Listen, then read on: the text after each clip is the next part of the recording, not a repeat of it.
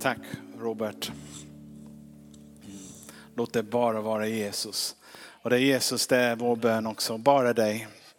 Vi vill att det är du som ska höras, det är du, din vilja som ska ske och ditt rike som ska komma. Hör vår bön vi ber. I Jesu namn. Amen. Amen. Roligt att vara tillbaka. Jag var på semester en vecka och åkt motorcykel i Tyskland och sånt.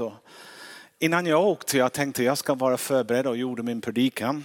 Så att, eftersom jag visste att jag skulle predika idag och jag bara kom hem i morse.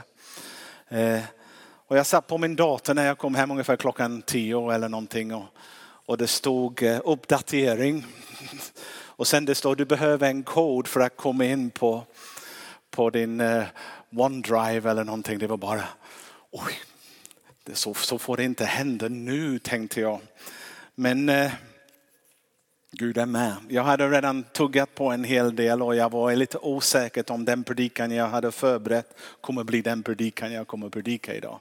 De är lite som levande grejer som du lever med dem som predikant och innan de kommer. Men det är ungefär, och jag beklagar redan nu om jag tänker och tankar är långt ifrån färdigt och jag kanske predikar en gång till om samma ämne nästa vecka. Jag får se. Det är lite sådär. Men ämnet som är tuggat på mig, ätit upp mig också den senaste tiden är ett odelat hjärta. Det finns en bibelvers i Psaltaren 86, vers 11 när David skriver Visa mig Herren din väg. Jag vill vandra i din sanning. Ge mig ett odelat hjärta så att jag vörde ditt namn. Eh, ge mig ett odelat hjärta så att jag vörde ditt namn. Och det är det med odelat hjärta som jag faktiskt, även om jag har åkt motorcykel och gjort massa saker, jag har tänkt på den, den bibelvers och låtit det verkligen sjunka in. Jag har en vän faktiskt som har minst sagt han är trög. Eh, jag har många vänner som verkar vara tröga. Jag tänker livet är inte så svårt som folk gör det till ibland. Men det är att fatta beslut, det är för vissa människor eh, verkligen en svår grej. Och min kompis han hade verkligen svårt att fatta det livsavgörande beslut. Att fria till sin flickvän. Och hans flickvän blev lite förtvivlad. Och en dag i, i frustration som, som hade börjat verkligen gnaga på henne. Hon sa, vad är det som är så svårt att gifta dig med mig? I mean, en sådan fantastiskt roligt, smart och vacker tjej som jag. Jag är verkligen vad du har drömt om, eller hur? Min kompis han, han, eh, han eh, tänkte en stund och började skämmas. Visst var hon fantastisk. Visst älskade han henne väldigt mycket. Och utöver detta, han visste att hon älskade honom också. Och att hon var smart, vacker, supersnygg och allt det andra som han hade önskat. Visst, han var allt. Hon var allt han hade drömt om. Men det fanns någonting som hindrade honom ändå från att fråga henne om hon vill gifta sig med honom. Och det var samma sak, samma hinder som också hade bromsat upp hela deras relation den senaste tiden. Lite relation det går så här tills det är dags att gifta sig. Sen om det inte gör det, det går parallellt eller det går inte som det ska. Sen, en, sen han svarade henne, mitt problem sa han, och inte att säga ja till dig utan att säga nej till alla de andra kvinnorna. Hon blir jätteless och frågar honom hur många andra kvinnor finns det där ute som tävlar om hans hjärta? Och han sa ingen. Det finns ingen. Men i mitt dumma tänkande, i mitt dumma huvud, jag brottas med tankarna kanske någon bättre dyker upp lite senare. Och så fort de ord kom ur hans mun. Så fort han hörde dem själv i sin egen öron. Han fattade egentligen hur dum han var. Och han bad om förlåtelse. Och beslutade sig att gifta sig med henne. Och eh, hon var tillräckligt nådig också att eh, förlåta honom för det uttalande och för den dumma beteende. Och de är nu lyckliga, lyckliga, lyckat gift och, och eh, en härlig familj faktiskt.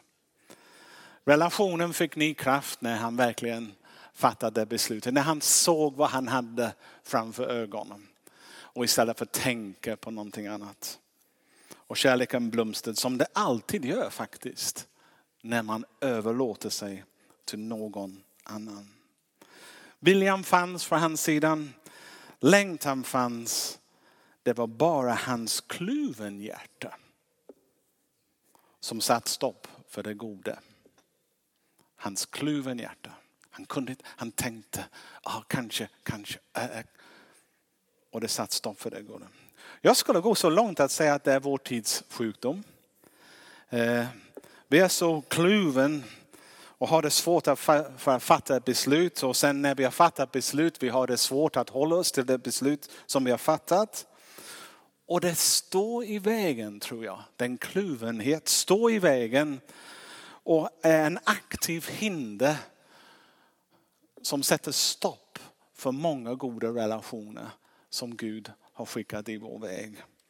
Eh, och det sätter stopp för, för det som vi längtar efter. Vi motarbetar oss själva när vi leker i denna kluvenhet som egentligen har med syndafallet att göra. Inget annat.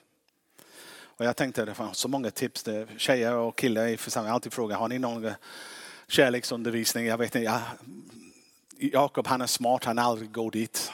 Och jag brukar slänga mig ut olika saker då och då. Men eh, jag ska slänga mig ut också en sak.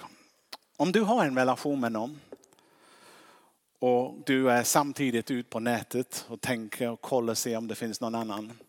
Du är dum i huvudet. Du faktiskt motarbetar dig själv. Du faktiskt med den handling gör det omöjligt för den kärlek du längtar efter att blomstra. Så är det. Du motarbetar det du längtar efter mest i livet. Jag ska säga några frågor, finns det en för mig där ute eller sånt? Jag tror inte det.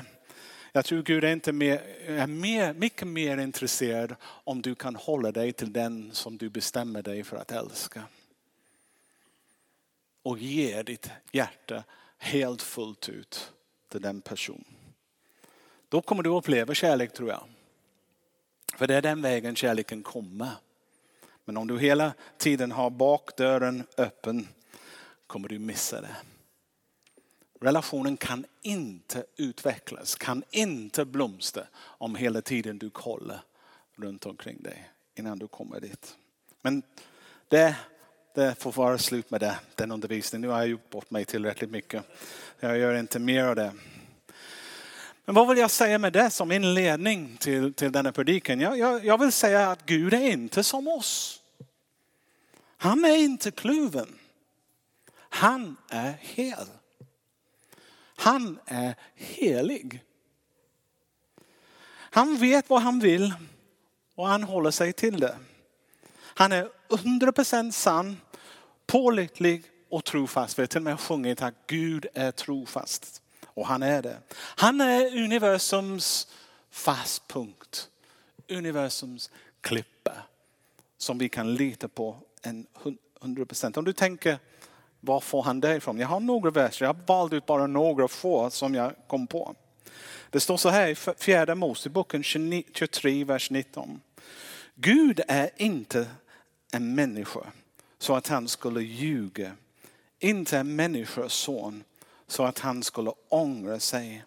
Säger han något utan att göra det? Talar han något utan att fullborda det? Står det. Och det står också om Jesus Kristus är detsamma igår, idag och i evighet. Det är Hebreerbrevet 13, vers 8. Sen kan vi kolla i Jakobs brev också.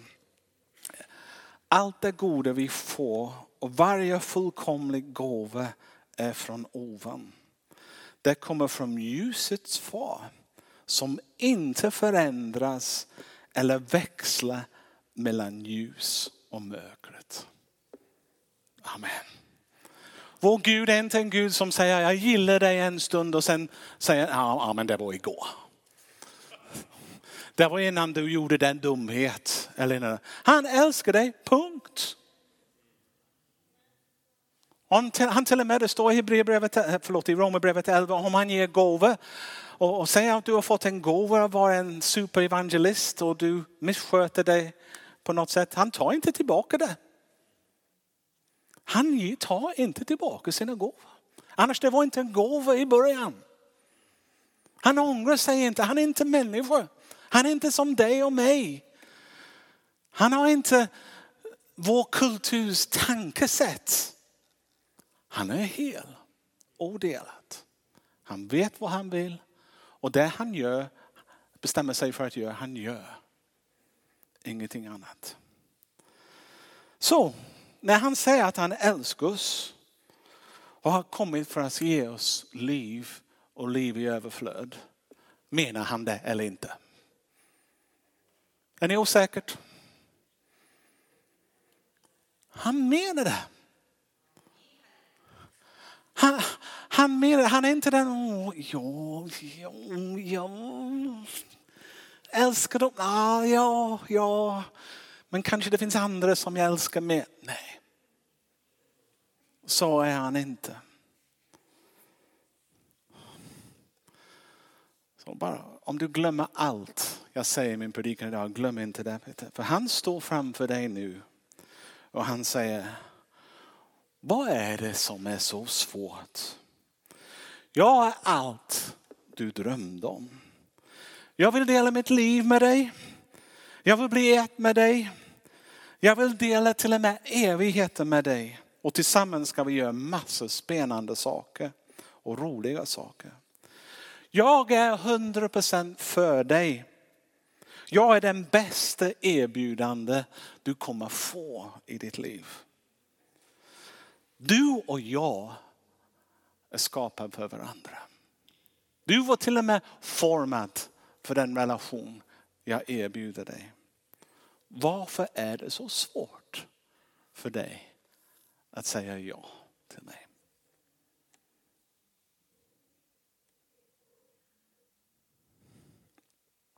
Det står till och med att han älskar oss. Han vet att vi kommer inte vara 100% trogen till honom. Men det står till och med i andra Timoteus bok 2.13. Han säger, är vi trolösa förblir han trofast. För han kan inte förneka sig själv. En sån Gud har vi. Som har faktiskt, för honom det är beslutet, han älskar oss. Han älskade världen, han gav sin egen. Han, han, har, han har fattat beslut för länge sedan. Han skapade oss med tanken att han vill bygga en relation med oss. Han skapade oss med tanken att vi ska ha den relation som är så ovanligt. Med unika varelser som människor är. Och han skapade inte oss som robotar som skulle bara göra vad han säger när han säger det. Han skapade oss fullt medveten att han, han, skapade, han skapade starka vilja. Han skapade skapande människor. Och att den relationen ska vara, vara verkligen rörligt. Det ska inte bara vara ensidigt. Och jag säger det och han står framför oss och säger, vad är det så svårt? Att du inte fattar ett beslut att bjuda mig in i ditt liv. Jag har allt du drömde om och har så mycket mer att erbjuda dig. Någon bättre finns inte.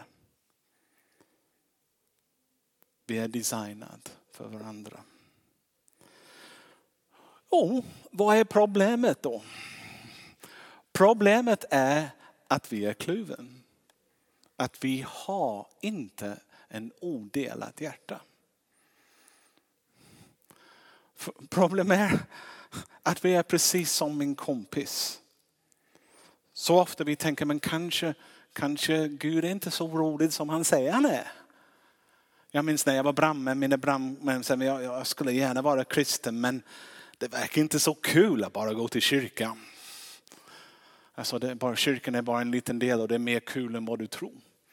Men de hade en bild av att det var djävulen som erbjud, hade det mesta att erbjuda. Och Gud hade bara det tråkiga att erbjuda. Så är inte sanningen. Problemet är att vi har lyssnat till fienden som ifrågasätter om Gud verkligen är en god Gud. Vi förgiftas av lögner. Och han ställer lite frågor till oss. Har det, det är ursprungligen frestelse som Satan kom till, till eh, vem var de första människorna? Adam och Eva. Det var Eva, förlåt.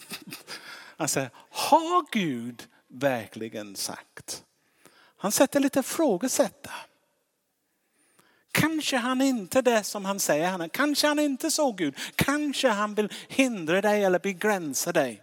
Det är lögnen. Och den lögnen kan få oss att missa målet. Även kyrkan eh, hjälper inte till ibland när vi har en bipolär undervisning ibland. Gud älskar dig men han är arg. Har du hört det? Jag växte upp med det. Det var nästan som en uh, psykopat. Man visste inte hur man skulle ta honom. Hur, hur skulle han vara idag om jag kom? När jag visste vad jag hade gjort. Eller sagt. Eller inte gjort eller inte sagt. Du vet vad det är som människa. Vi brister. Kanske, och sen lyssna till några predikanter. Ja, Gud är så arg på dig. Alltså, uh, uh. Ni, ni, ni som växer upp idag och växer upp i kyrkan, ni, ni har missat några roliga stunder, jag lovar er. Tack gode Gud att vi är inte är där längre. Om du lyssnar till sån undervisning då får du veta att det är en religiös ande som ligger bakom det och det är inte Gud. Det är det som försöker hindra dig komma in i den, den som Jesus till och med här undervisade om den förlorade sonen. Han skrev, det finns i vårt ord att uh, Guds ord att läsa om en ung kille som valde dumma väg och sprang iväg. Och vad gjorde pappa? Var han hemma och ah, den dumma pojken. Han var där ute och längtade. Varje dag han tittade ut. Var är han? Var är han? Var är han? Och så fort han fick sin syn på honom på horisonten, vad gjorde han? Sprang för att möta honom. Det är Guds hjärta. Och det finns ingen fråga, det finns ingen fråga om det. Han kan inte gå mot sig själv. Han kan inte ändra sig. Det är vi som ändrar oss och gör dumma saker. Han står fast. Han har ett odelat hjärta. Han är hel. Men vi försöker hålla alla våra val öppen. Och när vi gör det, vi motarbetar oss själva och hindrar oss själva för att komma in i den levande relation som vi var skapade att komma in. Det är nästan som vår, vår kristen tro bromsas upp och vi blir, vi blir bara religiösa. Den, den, för den relationen blomster måste vi, vi måste stänga andra vägar och säga bara dig Jesus. Bara dig. Så många sånger har det, bara i dig har mitt liv sitt ro. Och sånt. Det är bara. Så när vi säger att man måste överlåta sig till Jesus för att få ett kristet liv. Det är inte för att en, en regel som måste bara uppfyllas som Gud har bestämt och han är ganska hård. Det är förutsättning för att du ska bli den person som Gud har skapat dig att vara. Utan den överlåtelse kommer inte den relation fördjupas. Kommer inte du att uppleva dig själv tillfredsställd och du kommer inte uppleva heller den inre kärlek som är drivkraften till ditt liv.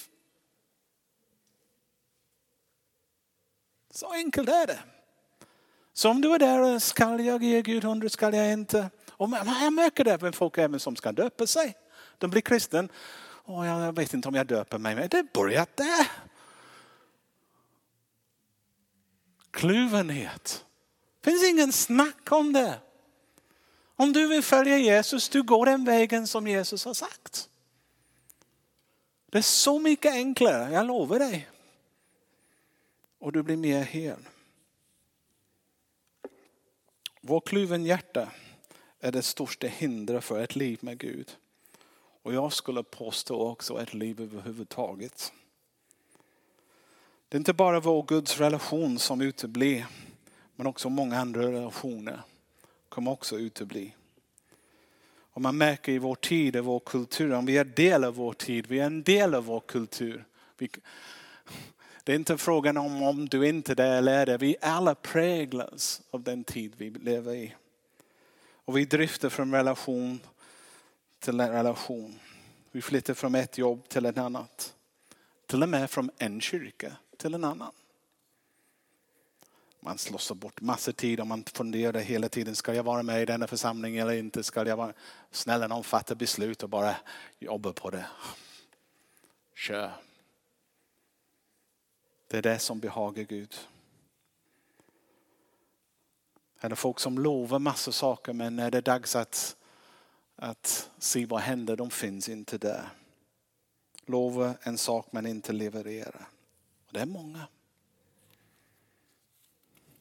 Det finns det också att vänta till sista minuten innan man bestämmer sig för kanske någonting roligare dyker upp. Det är en del av vår kultur. Och sen finns det folk som jobbar för att göra någonting fantastiskt som behöver beslut från någon så att de kan se att det kan bygga. Men vi håller dem väntande och ger dem lite ångest. Bara med våra kluvenhet istället för att fatta beslut. Till och med oss predikanter. Jag lärde mig ganska tidigt eh, att om jag hade tackat ja till att predika, jag predikade. Det spelar ingen roll om en bättre erbjudande dyker upp veckan efter. Eller mer roliga. Roliga, vad är det? Jesus säger själv till, till sina lärjungar, säg inte jag lovar vid templet eller altaret på templet. Låt ditt ja vara ja och ditt nej nej. Vem är viktig? Att du håller ditt ord, fattar ett beslut och håller i det. Och gå. Och sen undrar vi varför livet känns tom ibland eller meningslöst. Jag ska säga också att inte fatta beslut är att fatta beslut. David i den psalm som jag började med. Han visste att han behöv, vad han behövde för att leva det livet han vill ha. Och han bad Gud om det. Det var en bra start. Om man upplever att man är kluven, om man upplever att man har en tendens att, oh, så det, att, att han hade lärt känna Gud. Han hade märkt att Gud var trofast. Han hade, han hade skrivit så många andra psalmer om det. Han, han visste att Gud var en klippa. Och han säger, Gud jag vill vara som dig. Ge mig en odelat hjärta. Vet ni, han fick svar. Det finns två platser som du kan läsa. Den första är i första Samuelsbrev 13, vers 14. Det står, men nu skall ditt kungadöme inte bestå. Det är vad profeten säger till, till Saul. Herren har sökt sig en man efter sitt hjärta och utsett honom till första över sitt folk. Och det var David. Han sökte ett man efter sitt hjärta. Eller du kan läsa i Apostlagärningarna också 13 och 22. Förlåt, jag gav dig inte det Simon innan. Jag har funnit David Iskaeson, en man efter mitt hjärta. Han ska utföra min vilja i allt. Vad var det som han gillade om David? Att hans utseende, han var snygg, han var tydligen. Nej. Att han var skicklig med vapen och som strider? Nej. Det som Gud såg i David som han längtade efter. David hade bara en herre. Saul hade hans egen förvaltning han tänker på. Eller han vill ha sin egen eh, cred eller bekräftelse. Men David, rakt igenom sin text. Han vill ge Gud ära varenda riktigt viktigt beslut. Om man ser det. det betyder inte att han var perfekt. Han var inte perfekt. Men den viktigaste saken är att Gud visste vilken riktning hans hjärta pekade åt. Och han visste att det var en man som kommer följa min väg. Och även om han tar en sväng ut, så han kommer ångra sig, söker tillbaka och fortsätter leva det livet. Med mig i fokus. Och han utvecklade en relation med Gud som inte bara jag gör vad du säger. Han upplevde också den närhet. Han upplevde att Gud talade till honom, han hörde honom. Han upplevde också att, att Gud hade omsorg om hans familj och andra bitar. Han levde äventyr med sin kung. För han hade en odelat hjärta. Och den goda nyheten är detta precis vad Jesus har kommit för att göra för oss också. Han har kommit för att göra oss hel. Ibland blir jag så dum att tänka jag måste prestera så att Gud älskar mig. Man, man kan komma på sådana dumma tankar, jag vet inte. Man tänker om jag bara gör sådär så kommer Gud kommer älska mig. Det är Gud redan älskar dig. Det är avgjort. Det finns ingenting du behöver kämpa för att vinna, du har allt. Den prestation som Gud älskar, den prestation som kommer ur relation med honom. Inte för att vinna honom. Det finns en skillnad där, förstår ni? Jag säger inte att gärningar har ingen betydelse. Gärningar som är gjort utifrån en relation med honom har betydelse. Men inte gärningar som jag försöker vinna, vinna Guds, Guds uppmärksamhet eller bekräftelse.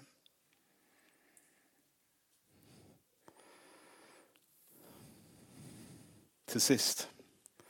Vem kan skilja oss från Guds kärlek? Jag tror vi måste läsa detta. Ni som har varit kristen länge vet vad jag kommer läsa. Romarbrevet 8. Har, har du det? Vad ska vi nu säga om detta? Om Gud är för oss, vem kan då vara emot oss? Okej? Okay. Han som inte skonade sin egen son utan utlämnade honom för oss alla. Hur skulle han kunna annat än att också skänker oss allt med honom? Vem kan anklaga Guds utvalde? Gud är den som frikänner. Vem är det som fördömer? Kristus Jesus är den som har dött. Ja, än mer den som blivit uppväckt och som sitter på Guds högra sida och vädjar för oss. Vem kan skilja oss från Kristi kärlek? Ja. Vår dumhet? Min egen dumhet? Nej. Nöd eller ångest, förföljelse eller svält, nakenhet, fara eller svärd. Det står ju skrivet, för din skull dödas vi dagen lång, vi räknas som slaktfår. Men i allt detta vinner vi en överväldigande seger genom honom som har älskat oss. Usch. Ord som borde vara understruket i, i ditt ord. Finns det fler? Jag trodde att jag skulle fortsätta lite längre till det ännu. Men i allt det, eh, för jag är vi som är varken död eller liv, varken änglar eller första, varken något som nu är eller något som ska komma, varken makter, höjd eller djupt eller något annat skapat ska kunna skilja oss från Guds kärlek i Kristus Jesus, vår Herre.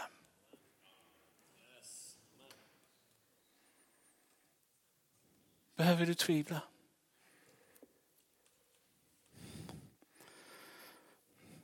Vi har fått en helig ande. Och hans huvuduppgift är att göra oss hel. Att fixa den kluvenhet, det hjärta som söker andra.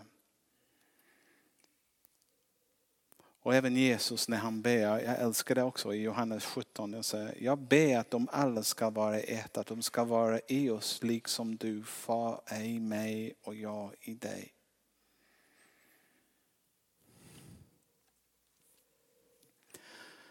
Jesus kämpar för att göra oss hel.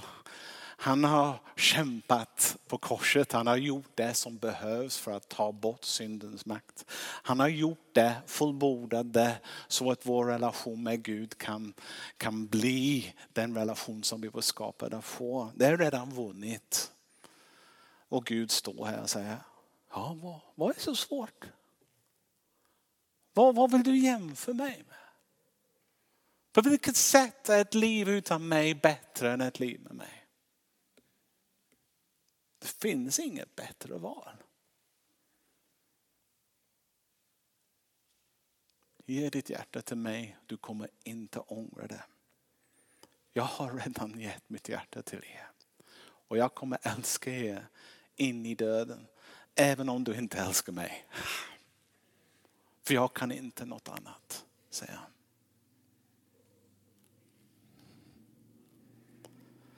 Ska också som en biprodukt eller en biverkan i detta också när vi gör det. det livet blir så mycket enklare när man vet vem man är i Kristus och vet hur man lever. Alla de val görs bara trötta, eller hur? Jag är nästan våndas när det är del att göra om min elräkning. Vem elbolag skulle jag ha nu? Oh, jobbigt. Det är bättre att veta, jag har Jesus, det är allt jag behöver. På den punkten är det klart. Sen finns det en liten uttryck, What would Jesus do? WWJD. När du har fråga, när du har val att ta, bara den enkla frågan, vad skulle Jesus göra? Och sen mina vänner, gör det. Amen.